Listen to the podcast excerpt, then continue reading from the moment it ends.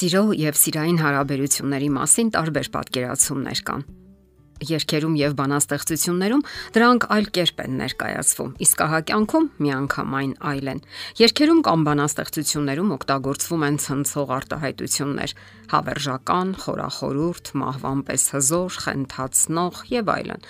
Սիրային սերիալներում հարցերը լուծում են այլ կերպ 30 րոպեում հոլիվուդյան ֆիլմերում սիրահարվում եւ խենթանում են մոտ 1 ժամվա ընթացքում։ Ընդ որում շատ կարեւոր դեր են հատկացնում սիրո քիմիային։ Այդ ֆիլմերը մեզ փորձում են համոզել, որ լիարժեք հարաբերությունները հիմնվում են առանձնահատուկ, կրկոտ ու խելահեղ սեռական հարաբերության վրա։ Իսկ ահա հոգեբանները ձևակերպում եւ առաջարկում են առողջ հարաբերությունների աստիճանական սկզբունքները։ Այդ բնագավառում հարուստ փորձ ունի հատկապես Կալիֆոռնիայի համալսարանի հոգեբան Շերոն Մարտինը։ Նա առաջարկում է իր մշակած 12 պատվիրանները, որոնք կայուն եւ հուսալի հարաբերություններ են ապահովում եւ սովորաբար երջանիկ վախճան են խոստանում։ Ներկայացնենք այդ կարևոր սկզբունքները կամ պատվիրանները։ Առաջինը՝ սեր եւ հոգատարություն Առողջ հարաբերություններում ամենակարևորը անկեղծ եւ փոխադարձ սերն է։ Կողմերը միմյանց մասին հոգում են թե խոսքերով, թե գործնական քայլերով։ Նրանք մշտապես ցուցադրում են այն, ինչը գնահատում են եւ սիրում միմյանց մեջ։ Անկախ հարաբերությունների վաղճանից նրանք հարգալից են մնում միմյանց հանդեպ։ Երկրորդ պատվիրանը ազնվությունն է։ Առողջ հարաբերություններում կողմերը չեն ստում միմյանց եւ չեն թաքցնում ճշմարտությունը։ Դրանք թափանցիկ հարաբերություններ են եւ այնտեղ խափեություն չկա։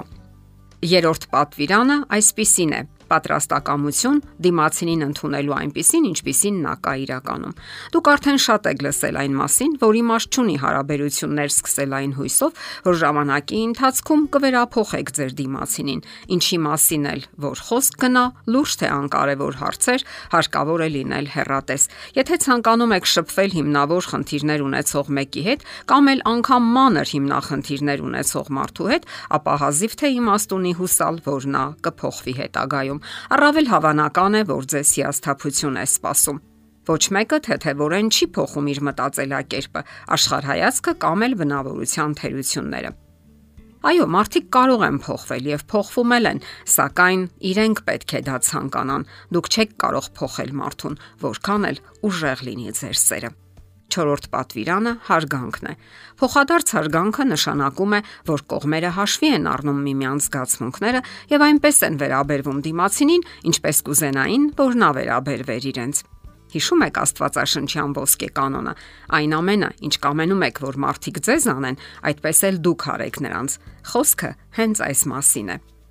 Հարգանքը թույլ է տալիս բացառել այն իրավիճակները, երբ կողմերից մեկին թվում է, թե դիմացինն իրեն ճնշում է կամ փորձում է խաղարկել ու շահարկել, եւ ի վերջո նրանք պատրաստ են լսել միմյանց եւ հարգել միմյանց տեսակետները։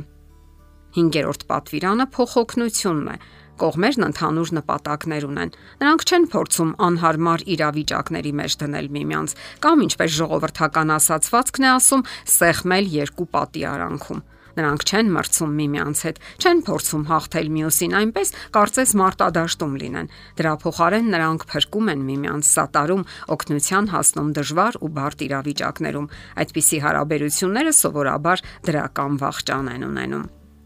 6-րդ պատվիրանը ֆիզիկական եւ հուզական անվտանգությանն է վերաբերում։